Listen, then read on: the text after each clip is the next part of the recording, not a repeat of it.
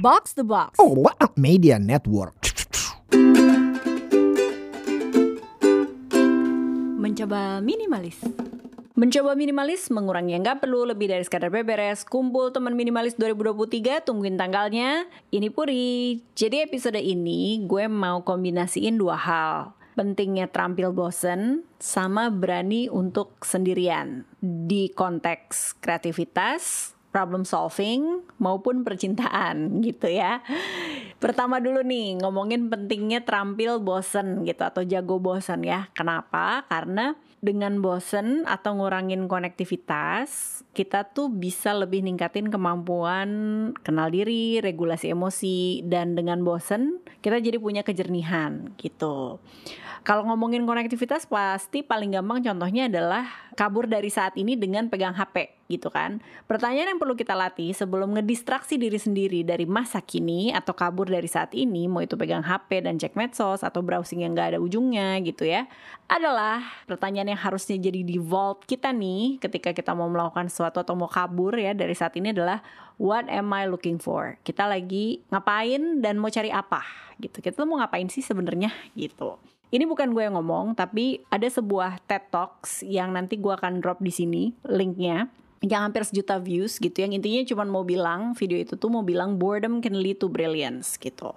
Dia kasih contoh nih di video ini. Ada former Google designer namanya Tristan Harris. Ya namanya juga dia former Google designer. Dia tahu lah ya dalamannya Google gitu. Dia tuh bilang gini kalau gue Netflix atau bahkan gue Google gue punya segambreng engineer bahkan ribuan yang tugasnya nyuri perhatian lo gitu. Bahkan ini ditambahin ya CEO-nya Netflix juga pernah bilang saingan terbesar Netflix adalah Facebook yang sekarang namanya Meta YouTube dan tidur. Bayangin dia aja mau ngambil waktu tidur kita gitu dengan sengaja gitu kan.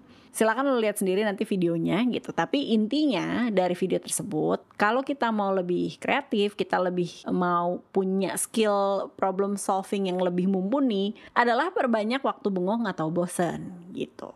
Yang kedua, yang akhirnya gue sambungkan, ternyata wah kemampuan untuk bosan dan sendirian ini manfaatnya dua ya, baik di percintaan maupun di kerjaan atau kreativitas gitu. Yang nomor dua ini sebenarnya terinspirasi lo udah baca bukunya Jay Shetty yang Eight Rules of Love, New York Times bestseller. Kalau lo belum familiar dengan Jay Shetty, Jay Shetty ini adalah seorang life coach, uh, seorang penulis juga, podcaster juga. Biasanya ada di video podcast YouTube tuh suka menginterview orang-orang terkenal tapi dari angle productivity and mindfulness gitu. Jadi sedikit cerita tentang Jay Shetty. Kalau lo belum familiar, dia itu dulu ya orang-orang biasa kebanyakan lah sekolah bisnis bisnis gitu ya tapi terus dia kenalan sama seorang biksu. Nah perjalanannya ini membuat dia tinggal di sebuah ashram gitu ya. Pokoknya hidup selayaknya biksu lah gitu kan selama tiga tahun. Sehingga dia ngerasa ada banyak hal-hal yang gue pelajarin di ashram itu yang bisa gue aplikasikan ke kehidupan sehari-hari gitu.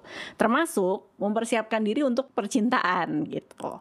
Nah balik lagi ke buku yang dia tulis Eight Rules of Love ini aturan pertamanya apa coba let yourself be alone. Nah, tapi ini nggak cuman sekedar ya udah sendirian aja nggak pacaran gitu ya, nggak kencan gitu. Tapi juga yang penting adalah transformasi dari rasa kesepian ke rasa tenang sendiri ngomong mah gampang ya, tapi caranya gimana gitu. Nah, ini kerennya sih Jay Sherry ini nge-breakdown lagi gitu.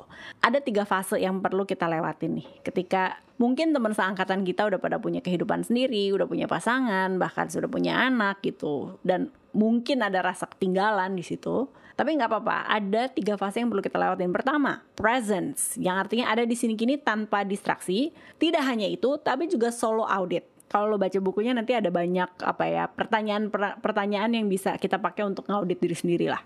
Tapi gue cerita garis besar aja ya. Yang kedua adalah discomfort atau rasa aneh atau kurang nyaman. Nah, itu emang perlu dilawatin aja gitu.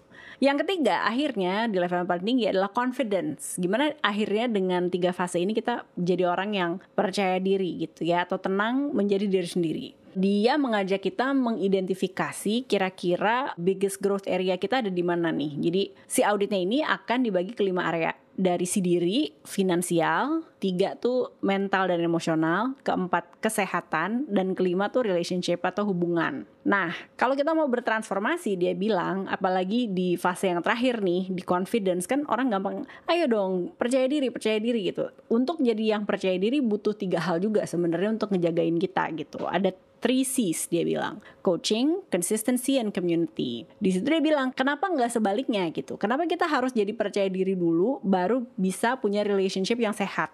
Apakah kita nggak bisa apa ya bilangnya menyembuhkan diri sambil membangun koneksi dengan orang gitu. Dia bilang gini, kalau orang sudah punya percaya diri yang tinggi, kalau hubungannya ini lagi diuji atau lagi ambruk banget nih ya sampai ke dasar laut gitu ya tapi kepercayaan diri dia tuh nggak akan tercederai. Balik lagi emang nggak bisa kita tuh menyembuhkan diri sambil juga membangun relationship. Sebenarnya bisa-bisa aja gitu ya. Tapi dengan lo melakukan PR lo atau kita melakukan PR kita sendiri sebenarnya kita udah kasih head start lah. Kita curi start gitu. Karena sebenarnya kan kalau kita mau punya hubungan yang sehat, you want to go on a journey with someone, not make them your journey. Jadi perjalanannya adalah dilakukan bersama, bukan karena kita terlalu antusias gitu ya dan menjadikan relationship ini distraksi akhirnya ya perjalanan kita tuh hanya semata soal hubungan itu gitu. Jadi hubungan itu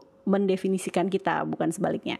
Gitu kurang lebih. Jadi ujung-ujungnya mau ngomong apa gue teh ya kan? What what I'm trying to say is Mari kita berani bosan gitu ya. Sebelum kita melakukan sesuatu, kembali lagi yang perlu kita tanya adalah what am I looking for? So, this is my question to you. What are you looking for? For you, for you boleh DM atau nanti di drop di kolom komennya mencoba minimalis di at mencoba minimalis. Semoga semakin kokoh perjalanannya untuk lebih berani sendiri. Waktu gue pamit, sampai ketemu di episode mencoba minimalis lainnya. Puri out. Thank you for listening. Bye for now.